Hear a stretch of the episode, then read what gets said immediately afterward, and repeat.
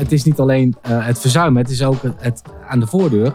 Werkgevers nemen nu mensen aan omdat ze heel plat gezegd kunnen praten en lopen. Maar past er wel iemand binnen het team? Of ben je blij met de beste van de slechtste?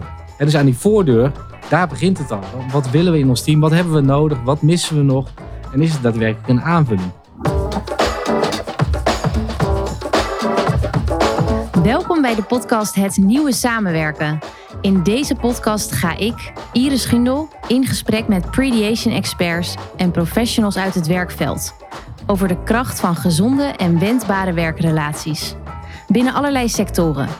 Zelf ben ik ondernemer en de eigenaar van Voorkans en de Prediation Business Academy. Hier zetten we ons iedere dag in voor relatiegerichte samenwerking. Dit doen we vanuit conscious contracting, teamontwikkeling en neutraal advies vanuit onze methodiek Prediation. Zo maken we werk van samenwerken. Welkom bij deze nieuwe aflevering, het Nieuwe Samenwerken, de podcast. Deze reeks zijn we begonnen omdat we zoveel maatschappelijk gewoon zien gebeuren. In organisaties, in teams, bij ondernemers. En wereldwijd staat er natuurlijk van alles onder druk. En ook de arbeidsmarkt vraagt echt om wat rek en wat geduld. Met Prediation zetten we ons hiervoor iedere dag in met een groep professionals, met ieder een eigen expertise. Als soort netwerkorganisatie vanuit Voorkans maken we dus echt werk van het samenwerken. In deze podcast lichten we hier graag wat meer over toe en gaan we dus in gesprek met mensen uit de velden. Voor deze aflevering belooft dat een interessante te worden, want mentale gezondheid, vitaliteit en gezond werkklimaat, dat zijn essentiële ingrediënten voor duurzame samenwerking, maar toch vaak de grootste uitdagingen. In vele soorten teams begeleiden we die processen. En daar is het ons gedachtegoed dat een team bestaat uit een groep individuen. Met ieder zijn eigen voorkeuren, gedragingen, behoeften en verwachtingen. En zo maakt een groep individuen alleen nog geen team. Want daar waar bijvoorbeeld de werkdruk heel hoog is of het verzuim oploopt, gaan we daardoor dus wel aan de slag met alle impliciete kaders, de verwachtingen en echt teamafspraken Echt om te kijken hoe kunnen we met z'n allen gezond blijven presteren. En daar waar kunstmatige harmonie heerst, gaan we dus ook echt aan de slag met nieuwe teamprincipes en training in communicatie. In deze tijden zien we namelijk dat 70% van het verzuim werkgerelateerd is. En dat vind ik eigenlijk echt schrijnend, omdat ook het nieuwe onderzoek aantoont dat 75% van de mensen die hun baan verlaten vrijwillig, dat doen uit een relatie met hun leidinggevende. Nou, kortom, laten we hier vooral mee aan de slag gaan vandaag in deze aflevering. En een van onze voorkans Prediation experts is uh, Marcel Meijer. Zelf uh, geeft hij aan, uh, ik zit in het verzuim. Dan denk ik, nou, dat hoop ik dan weer niet. Maar wel echt verzuimspecialist uh, in advies, mediation, prediation bij verzuimtrajecten. Met name dus de preventieve krachten daarvan. Hè. Hoe kunnen we in teams, organisaties, leidinggevenden echt bewuster maken. En ja, vitaliteit wel echt als randvoorwaarde inrichten. Dus van harte welkom bij deze podcast, Marcel. Ja, dankjewel. Ja, ik uh, probeerde je kort al wat te, te introduceren. Maar als je kan schetsen waar jouw specialisme echt in zit, wat je doet ik denk dat mijn specialisme zit echt in het gedragsaspect. Jij gaf dit al een mooie definitie van team. En ik zou er heel graag aan toe willen voegen.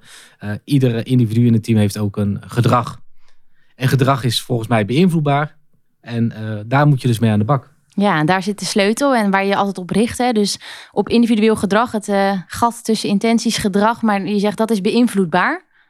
Jazeker. En daar nou, je moet je, je wel die ander bewust maken van zijn eigen gedrag vervolgens eh, het effect van dat gedrag op de ander, zodat er ook een gedragsverandering kan plaatsvinden. Ja, even om, om te schetsen in de arbeidsmarkt nu uh, als verzuimspecialist, dat lijken me pittige weken. Nou, ik heb dit nog nooit meegemaakt. Uh, er is, uh, aan de ene kant is er krapte op de arbeidsmarkt. Er is een grote kans op een crisis. Krapte zou betekenen stijging van verzuim, want mensen die kunnen makkelijk iets anders vinden. Een crisis zou betekenen daling van verzuim, want mensen die willen blijven zitten. Uh, wat gaat er gebeuren? Ik kan het niet voorspellen. Ja, onvoorspelbaarheid. Uh, ja. ja. En, en dat is denk ik waarin je wel op je best bent. Maar ook uh, de vraag naar e-, externe begeleiding daarin echt heel hoog is natuurlijk nu. Ja, zeker. Wat ik nu merk is dat werkgevers uh, nog zuiniger worden op hun mensen. Uh, want ze krijgen zo heel moeilijk binnen. Dus op het moment dat er signalen komen en ze leren die signalen herkennen, dan word ik steeds eerder ingeschakeld. He, dan is er nog geen sprake van verzuim. Maar dan heb ik uh, een aantal leidinggevenden die dan zeggen van joh, ik zie een gedragsverandering. Ik kan het zelf niet bespreekbaar maken. Marcel, kun jij eens in gesprek gaan met die medewerker? Wat gaat er mis? Hoe kunnen we zorgen dat hij niet uitvalt? Oké, heel veel interessante dingen. Want één is, ik kan het zelf niet bespreekbaar maken als leidinggevende. Hoe zie jij dat? Nou, dat vind ik een kracht van een leidinggevende. Uh, hij kent zijn, uh, zijn, zijn, zijn eigen kracht, zijn eigen uh, kwaliteiten. En als die leidinggevende zegt van ja, ik, het is niet mijn kwaliteit, dan, en ik besteed dat liever uit, dat is een kracht. soms helpt het ook vreemde ogen dwingen. Hè? Dat, dat spreekwoord gaat nog steeds op. als een, een externe partij lukt het mij ook om zaken veel meer zwart-wit neer te leggen voor een werknemer of voor een leidinggevende. Zodat ze ook zien de volgende dag op hun werk van joh, dit is wat ik met Marcel heb besproken. Uh, dus nu kan ik het gaan veranderen. Ja, precies. Ja, dus daar zie je juist door aan te geven waar je minder goed in bent, dat is juist een kracht. Je zegt, mm, ja, werkgevers maken ook wel preventieve werk van, juist omdat de nood hoog is en je mensen heel graag wil behouden en dat de grote uitdaging is. Dat signalen dus eerder worden opgevangen. Nou ja, dat, dat, zie ik bij een aantal werkgevers wel. En dat zijn wat mij betreft ook voorlopers als het gaat over preventie ja, met hun werknemers. Dat is nog veel te weinig eigenlijk. Ja. Uh, nog even op dat stuk preventie. Met Prediation zet je je natuurlijk hier ook voor in, in uh, diverse teamtrajecten. En om echt ja, van tevoren werk te maken van dit soort impliciete verwachtingen, stresssignalen. Hoe maak je dat nou bespreekbaar ook in een team? Wat is voor jou echt de meerwaarde van Prediation? Ja, je praat met elkaar voordat het misgaat. Je leert elkaar en je vertelt elkaar wat jouw signalen zijn eh, bij stress. Wat kan ik zien aan jou als jij uh, stress ervaart? Wat kan ik zien aan jou als, als het te veel wordt? Uh, en hoe kan ik je daarop aanspreken? En, en, en, en, welke acties kunnen we uitzetten om te voorkomen dat een overmatige stress naar een overspannenheid gaat? Ja. Dat is echt de meerwaarde. Echt voorkomen. Ja, precies. Voorkomen beter dan genezen. En daar werken we natuurlijk heel veel in samen. Inderdaad, wat je schetst ook. Wat kan ik ermee als ik het bij jou zie? Niet vanuit behandelde ander zoals je zelf behandeld wil worden, maar behandelde ander zoals diegene behandeld wil worden. En dat moet je dan eerst van elkaar weten. Ja, precies. Want achteraf gezien, als ik met een manager praat die een werknemer heeft met een eh, chronische overspannenheid, met een burn-out-achtige klachten, dan geeft 9 van de 10 managers aan, ja, als ik nu kijk en ik kijk terug, ja, had ik het eigenlijk wel verwacht. En dan denk ik, ja, had, had gehandeld. Uh, was het gesprek aangegaan? Uh, maak het bespreekbaar. Ja, maar te laat. Ja, dus die machteloosheid, onkunde, misschien niet de juiste vaardigheden. En inderdaad, heel vaak achteraf hadden we het gezien. Ja, en niet kijken of niet willen zien vooral. Ja, niet willen zien. Dat is mooi hè? Nou, iemand die hier waarschijnlijk volop over mee kan, uh, kan praten. Uh, iemand uit uh, het werkveld, partner bij Count Cooper, psycholoog. Goede op het gebied van high performance teams. Gefascineerd door talentontwikkeling, groei van mensen, van teams. Ontwikkeling in leiderschap. Waarin hij zelfs een return on investment garandeert. Nou, Dirk, ik heb jou leren kennen als iemand die altijd iets zinnigs weet te zeggen over deze thema's. En ook altijd weer met iets nieuws komt. Dus ik heb heel veel zin in deze podcast. van harte welkom, Dirk van Uffelen. Dankjewel. Goed dat je er bent en om met ons over deze thema's in gesprek te gaan. Want er is best wel wat aan de hand in de arbeidsmarkt. Als jij zo ook kort van Marcel nu hoort, de druk die daarop staat, oplopend verzuim, het gebrek daarin misschien van de juiste tools bij leidinggevenden. Wat gaat het eerst in jouw hoofd dan om? Ja, ik focus me natuurlijk op teams en teams moeten prestaties leveren. En veel leidinggevenden ook bij ons zijn gericht op dat die prestaties ook geleverd worden. Maar dat moet je met, met personeelschaarste ook zien, zien te leveren dan. Dus de kans, het afbreukrisico dat er verzuim gaat ontstaan, is best groot. Als de draagkracht uh, ja, lager is dan de draaglast, heb je een probleem. Ja, precies. En, en daar hou je je ook mee bezig. Het komt uit psychologie, hè? dus je kijkt er waarschijnlijk van nature op die manier er ook naar. Nou, het formuletje draagkracht, draaglast lijkt me ook, zien wij vaak in teams en organisaties gewoon lastig door de belangen die er spelen. Want de werkdruk is gewoon soms toch niet te overkomen. Het, moet toch soms gewoon gebeuren. Ja, dat klopt inderdaad. Maar wij zeggen altijd met, uh, met persoonlijke ontwikkeling en je kwetsbaar opstellen en hulpvragen kan je een heel eind komen. Dus uh, we zeggen ook persoonlijke ontwikkeling is een teamsport. Dus als je in een team echt van elkaar weet, hè, Marcel zei het eigenlijk heel goed, van wat is jouw gebruiksaanwijzing, hoe kan ik aan jou zien of je stress hebt. En het is veilig genoeg om dat met elkaar te bespreken, kan je elkaar ook helpen. Ja, precies. Ja. Dat schrijven we op hè, in de psychologische teamcontracten, teamboeken, waarin we deze schema's ook opschrijven. Inderdaad, laten we elkaar dan helpen en een klimaat inrichten dat het ook kan. Ik noemde al even kort in de introductie high performance teams. Wanneer ben je als team high performance team, volgens jou? Ja, dat is een hele goede. Dat is een veelgestelde vraag, uh, Iris. Nou, Daar moeten we natuurlijk beginnen. Ja, daar moeten we natuurlijk, uh, natuurlijk beginnen. Uh, laat ik zeggen wat het tegenovergestelde is van een high-performing team. Ja, dan zouden we zeggen dat is een high-potential team. Dus een team met heel, altijd vertrouwen. ja, maar heel veel potentie om een bepaalde prestatie eh, neer te zetten. Dus als, zou je het in de voetbalwereld kijken, dan kijk je naar teams die misschien Champions League kunnen halen, landskampioen kunnen worden. In ons geval moeten we aanbestedingen winnen, dat we het potentieel hebben om die aanbestedingen te winnen.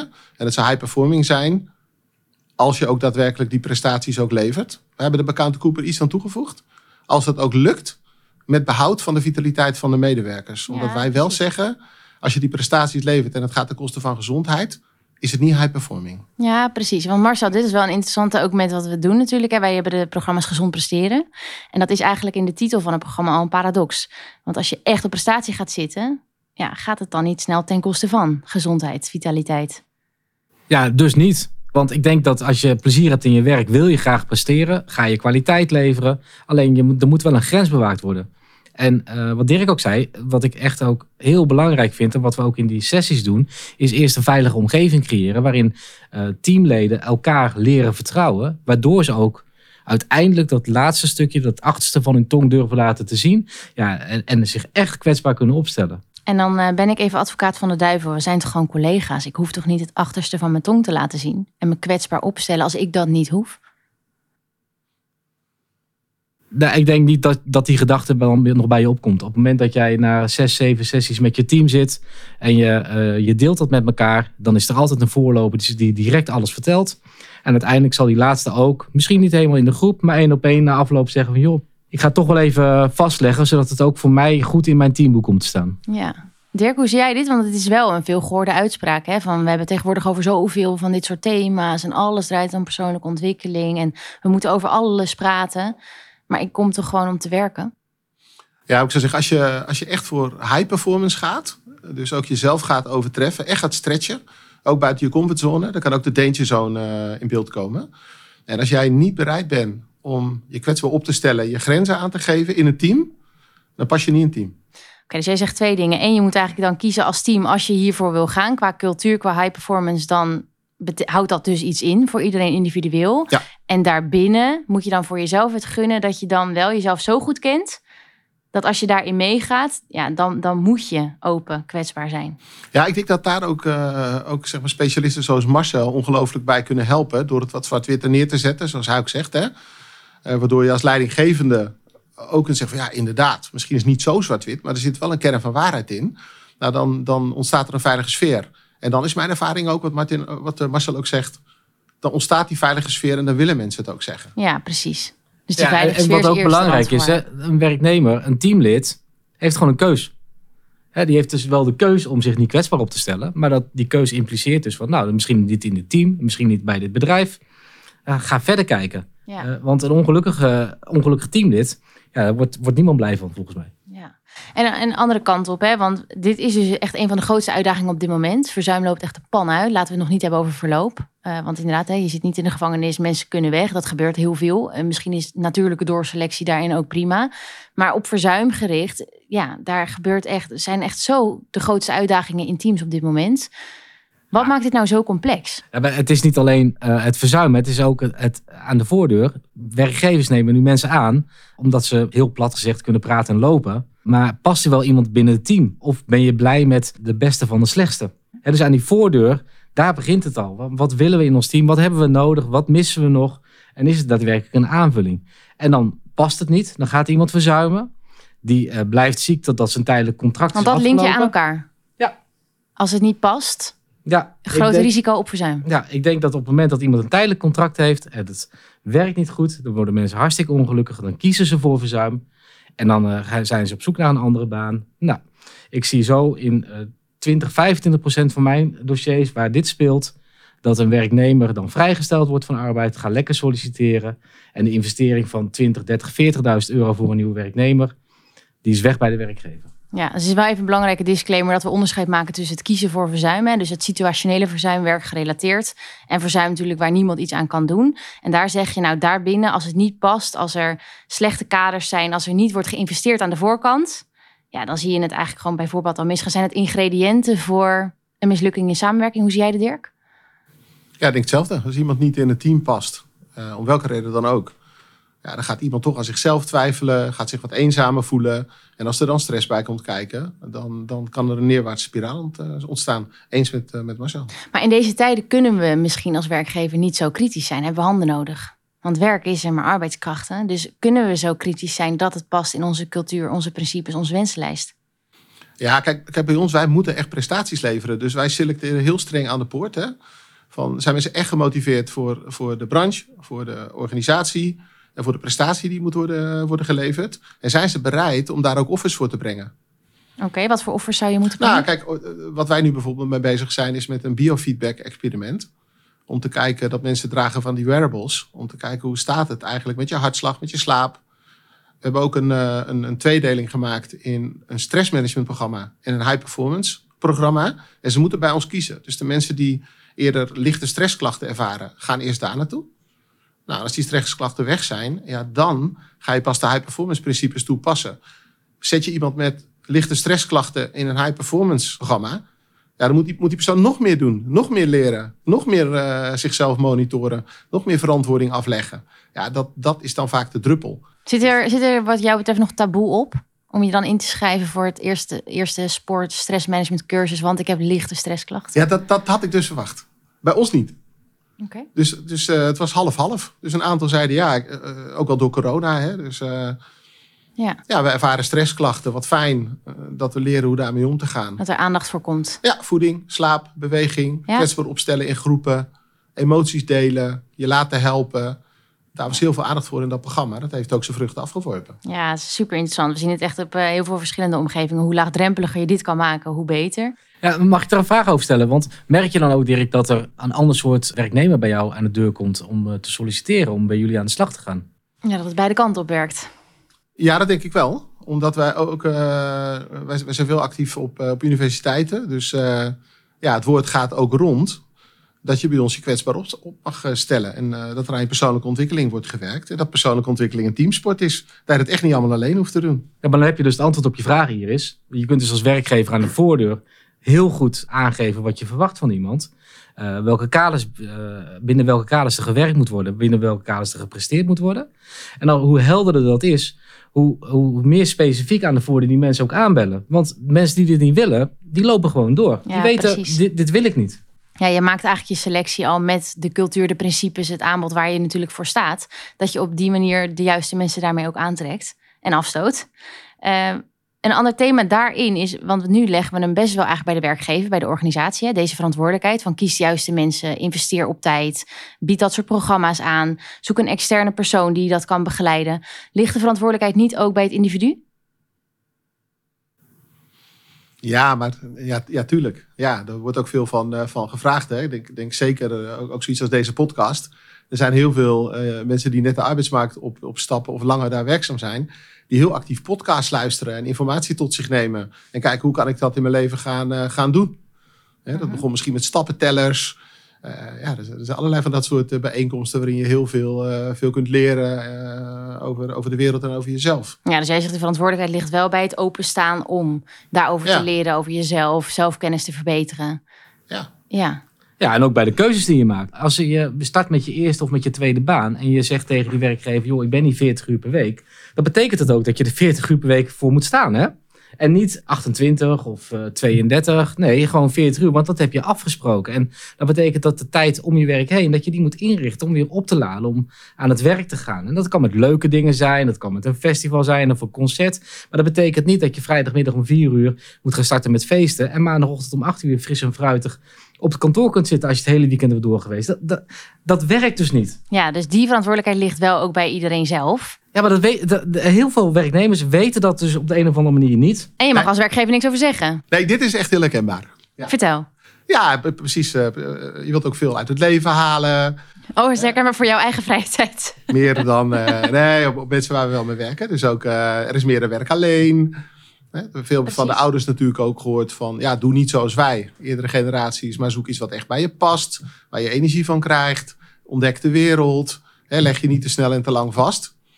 Ja, dus dat, hè, zorg ook voor ontspanning. Maar ja, dan kiezen ze wel voor een baan waarin high performance wordt gevraagd. Ja, dus die, Ja, die, komt wel ontspanning gespannen waar staan. eh, high performance wordt gevraagd. Hè? Ja. Want het moet wel allemaal tip-top zijn. Alles moet vastgelegd worden. De bordjes moeten mooi zijn opgemaakt. De lichten moeten goed zijn. Liever vijf keer een nieuwe foto. Want iedereen moet weten dat ik een fantastisch weekend heb gehad. Ja, dat zijn de aannames van Marcel over de millennial Zeker. generatie waarschijnlijk. Ja, ja, ja. maar dit zeker. gaat over generatieverschillen, waar we het nu Ja, generatieverschillen. En mijn, mijn ervaring is dus dat juist de millennials, hè, Gen Z, dat die heel waardevol zijn in het eh, bereiken van high performance in teams. Ja? Ja. Omdat? Andere manier van kijken, andere manier van denken. Juist ook die persoonlijke ontwikkeling, creativiteit. Echt impact willen maken in de wereld. Hè. Dus daar heel wakker op zijn. Van is nu wat wij doen, maakt dat ook echt verschil voor de maatschappij? En dat, dat is heel leerzaam. Maar de andere kant van diezelfde medaille is dat het aantal burn-outs en depressies voor 30 nog nooit hoog is geweest als nu. Dat klopt. Eh, De mensen die bij ons komen, die zeggen ook heel vaak: Ik weet niet wat ik wil. Nou, wij hebben daar een tactiek voor. We zeggen dan: Je wilt niet wat je weet. Ja, we draaien het eigenlijk om. Ja. Nou ja, Mooi. als je, en als je niet wilt wat je weet, hè, dus je, het, het pad van je ouders of het pad van je grootouders, dan ga je dus een nieuw pad bewandelen. Maar wat, wat ik vaak zie is, wat ze dan niet doorhebben, je gaat het onbekende in. Dus dat leidt of, als je dat doet, tot angst. Of als je het niet doet, tot depressie. Want dan verlang je eigenlijk naar het nieuwe, je doet het niet. Nou, dan raak je depressief. Of je doet het wel, maar dan word je bang. Want oeh, dat, ja, het is allemaal nieuw en wat wordt er dan van me verwacht? En als je dan die kaders aangeeft, zegt ze, ja, dat, dat zijn hele strakke kaders. Ik wil eigenlijk wat meer, meer autonomie hebben. En, eh, en dat spel van ruimte geven, kaders bieden, ruimte geven, kaders bieden. Ja, en wat, wat dan echt denk ik essentieel is, er is niet een goed antwoord. Dus met elkaar in gesprek blijven. Echt in de relatie investeren, elkaar echt leren kennen, willen begrijpen. Niet van, joh, oh, dat lossen we even zo op. Maar wat betekent dat voor jou? Hoe is dat voor jou? En hoe pakken jullie dat aan? Hè? Want dit is natuurlijk helemaal predation principe qua eh, blijf die dialoog voeren, blijf Ja. elkaar begrijpen, blijf investeren in de relatie. Ja. Maar betekent dat dat dus ook voor leiderschap in de huidige maatschappij extra werk? Ja, volgens mij leidinggeven is dat werk. Ja, en niet extra, hè? want het is je werk. Het is je werk. Ja, ja, Ja, ja, ja. ja. Ja. En volgens mij, als je dat, dat op de juiste manier doet, dan heb je als leidinggever volgens mij echt tijd over. Om gewoon eh, ook verder te gaan met ontwikkelingen, met eh, eh, ambities. In plaats van iedere dag maar weer hetzelfde brandje te blussen. En nogmaals, ik ben zwart-wit. dat vind ik hartstikke leuk. Maar daar komt het in de dagelijkse praktijk voor de gemiddelde leidinggevende gewoon op neer. Ik moet iedere dag weer een brandje blussen. Hoe zorg ik ervoor dat mijn mensen doen wat we van tevoren hebben afgesproken? Oh ja, en ik moet ook nog met ze praten. Ja. Nou, dit is wel een hele mooie conclusie al tot, dusver. Hè? Dat eh, het is het werk van een leidinggevende om op de relatie, op de mensen, daarin zo'n cultuur, veilige cultuur te ontwikkelen, mensen ruimte te geven, te laten geven, te laten pakken, eigen verantwoordelijkheid te kunnen kiezen, wel de kaders te borgen daarin, zodat we met z'n allen mensgericht, optimaal, intiem prestaties kunnen leveren in een gezonde manier het werkgerelateerde verzuim, waar ik mee begon, hè, 70% van al het verzuim is werkgerelateerd. Dat betekent dus dat het iets te maken heeft met bijvoorbeeld een slechte relatie met je leidinggevende, een conflict in een team, eh, de werkdruk. Ik eh, wil graag een stelling voorleggen. We zeggen dat werkgerelateerde verzuim is altijd te voorkomen. Marcel, Nee, dat ben ik niet met je eens. het is een stelling. Ik vraag wat is je kijk erop? Mijn kijk erop is dat er een groot deel van werkgerelateerd verzuim te voorkomen is. Aan de voorkant, dus eh, echt het gesprek voeren met elkaar. Eh, en een deel eh, is niet te voorkomen. Want dan grijp ik ook weer terug op wat Dirk er straks zei. Als mensen niet het achterste van hun tong willen laten zien. Als mensen een show opvoeren. en dat kunnen ze soms echt lang doen. Ja, dan kan er uiteindelijk ook verzuim uitkomen. En dan is dat dikke pech. Ja, dus hè, we zeggen situaties natuurlijk daar gelaten, daar waar je het niet kan zien of niet bij kon, of mensen je de kans niet geven om het echt, echte plaatje te zien. Maar je zegt een groot deel kunnen we voorkomen aan de voorkant. Jazeker. Dirk, wat denk jij? Ja, eens. Hoe? Ja. Nou, ik denk dat, dat je in selectie, er er wordt denk ik nog heel vaak in recruitment en selectie van vacatures uitgegaan. Dus we hebben, we hebben schaarste, we hebben een vacature. Eh, laten we die snel vullen. We hebben tien sollicitanten, we kiezen gewoon de beste uit die tien. In plaats van, ja, dat kunnen we wel doen, maar dadelijk valt iemand uit. Hè? Dus je moet ook echt heel goed kijken, wat is eigenlijk het profiel wat je zoekt? En dan breder gaan dan alleen vakkennis. Maar ook wat voor karakter vraag je van iemand? Wat voor weerbaarheid vraag je van iemand? En hoe maak je daar werk van? Zonder dat je iemand goed kent of hebt zien werken. Ja, wij werken veel met, eh, met eh, psychologische testen. Mhm. Dus echt persoonlijkheids, eh, persoonlijkheidsprofielen, diepte-interviews. We steden daar liever veel tijd aan. Ja, dus iemand gaat eerst helemaal door de wasstraat om, om Ja. gescreend te worden. Ja. Past het? Ja. Klopt het? Is dit wat we zoeken? Ja. Maar dus ook dat je zegt op weerbaarheid. Ja, er is ook twee kanten op. Want ik wil ook dat zeg maar, de, degene die solliciteert ook echt ja zegt, weet waar hij of zij ja tegen zegt. Ja. En als dan die match er is en bij de leidinggevende functies nemen we geen enkel risico, dan huren we daarnaast na dat hele traject ook nog een uh, assessmentbureau in. Omdat juist die leidinggevenden uh, wel cruciaal zijn in het voorkomen van ziekteverzuim. Daar ben ik wel van overtuigd. Mm En soms weten ze ook gewoon niet hoe ze dat moeten doen. dus dan zeg je van, nou, ja, investeer in de relatie met je team. Investeer in relatie tussen teamleden, in, met je één op één. En dan vragen ze ook, ja, dat snap ik wel. Maar hoe dan? Dus is er niet een praktische methode? Hoe vaak dan? Hoe dan? En wat bespreek je dan? En hoe maak je dan ook afspraken over? Ja, en hoe leg je dat dan ook vast? Ja, want jullie ook niet een heel dik contract hebben. Dit eh, klinkt als een soort pitch voor ons, Marcel. Hoe dan? Hebben we daar methodiek voor? Hoe leg je dat vast? Welke stappen doorloop je? Het lijkt me prima om, uh, om dat, uh, dat echt zo te doen. Uh, en ik vind het echt ook super hoe jullie dat aanpakken. Want ik heb wel de discussie met de werkgever en die zegt dan, ja, maar weet je wat het allemaal kost? Ja, dan moet ik weer gaan uitleggen, weet je wat het kost als iemand of uitstroomt uh, met een tijdelijk contract of uitstroomt met verzuim. Die kosten zijn, kun je gewoon twee nullen achter zetten. En dan is het gewoon stil. Ja, wat we vaak ook doen in, in deze programma's en met die stappen die we maken in, uh, het gezond presteren is dat we ook zeggen, eigenlijk moet je je eigen dashboard eerst inrichten. Dus alles staat of valt met een stuk zelfkennis. En op het moment dat je heel goed weet wanneer welk lampje gaat knipperen en waarom, dan kan je natuurlijk pas van jezelf ook verwachten en de verantwoordelijkheid nemen dat je een signaal herkent, erkent, maar dus ook een grens kan stellen.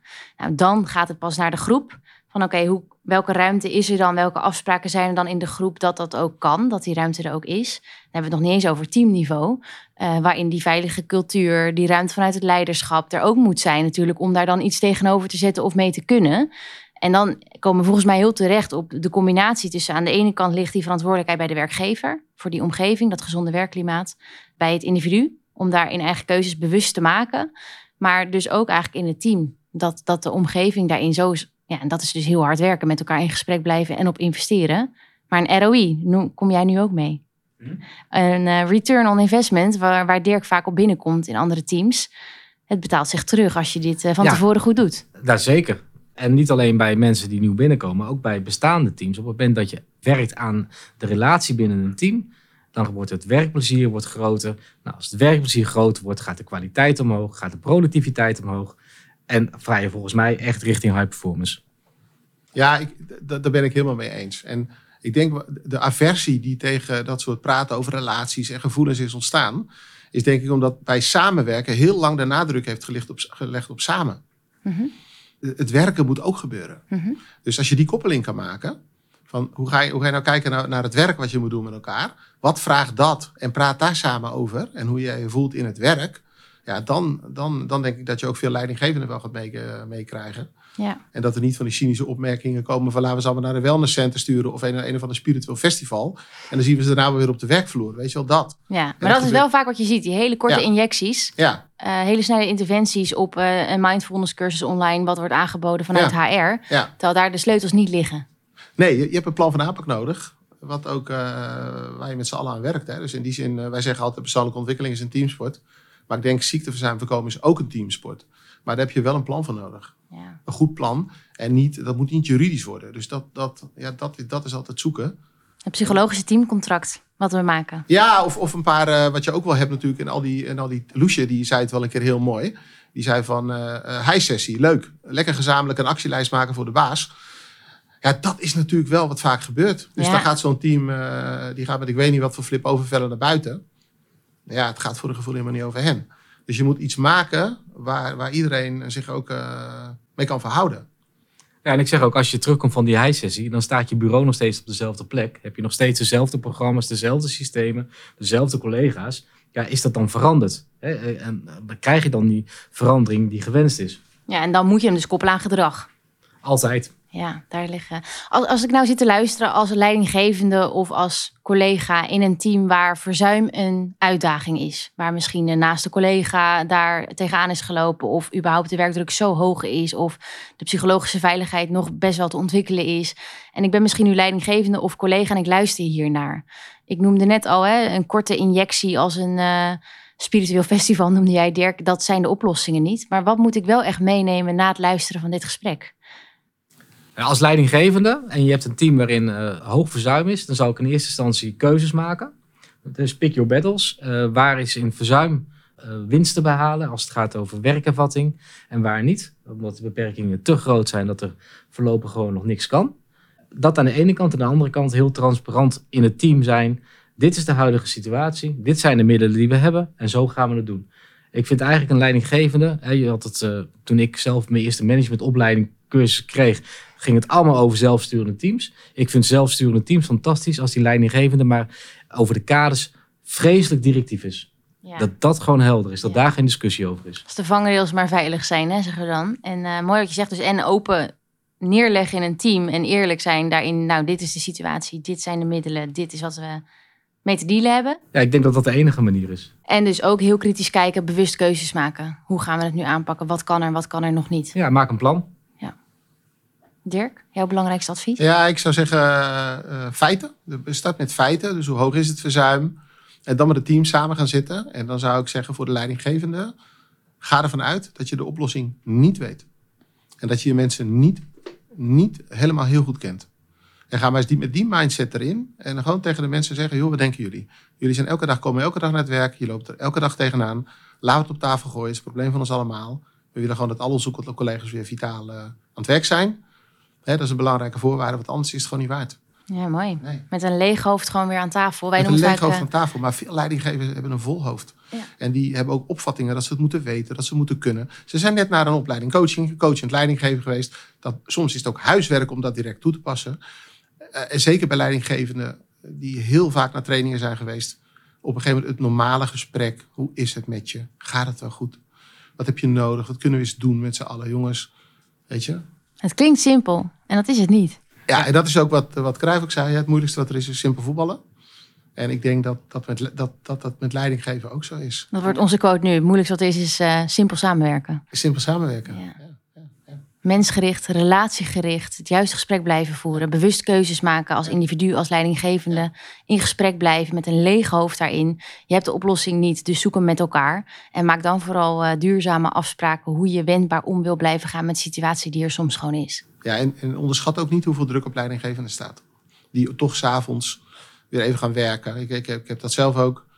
Je moet prestaties leveren, daar word je ook op afgerekend. Ja, ga dan maar eens, als je heel veel druk ervaart, in alle ontspanning een gesprek voeren met medewerkers over hoe het met ze gaat. Terwijl misschien eigenlijk niemand met jou een gesprek voert over hoe het met jou gaat. Dus ik zou, dat zou ook een appel zijn aan eh, ja, de raden van bestuur en, en de, de hogere directies. Om ook daar geldt dat juist. Vraag aan, aan, aan de mensen aan die je aan rapporteren, hoe gaat het met je? Ja, en dat is eh, vaak de cirkel. Als iedereen op iemand let, wordt er op iedereen gelet. Precies. Maar daar mogen we wat meer werk van maken. Soms dat dat wordt gefaciliteerd natuurlijk ook. Beetje mild, een beetje liever voor elkaar zijn, eh, Iris. Denk Dat is ik. nodig toch in deze tijden? Ja, Ja, top. Ik, eh, ik wil jullie heel erg bedanken voor jullie eh, inspiratie, input, alle gedachten, visie. Volgens mij kunnen we nog uren verder praten, gaan we niet doen. Maar dit was wel een heel interessante exercitie om eens eh, nou, tegen het licht te houden waar verzuim in teams, high performance teams, gezonde werkklimaat, waar we het dan met elkaar over hebben. Dus heel hartelijk dank daarin en eh, tot de volgende keer. graag gedaan. Dank voor de uitnodiging. Graag gedaan. Dankjewel voor het luisteren naar deze aflevering van Het Nieuwe Samenwerken. Je kan ons hier volgen, je abonneren of nog meer vinden op voorkans.nl. Heb jij iets wat jij graag zou willen horen in deze podcast? We horen het altijd graag. Graag tot een volgende keer en onthoud, maak er samen werk van.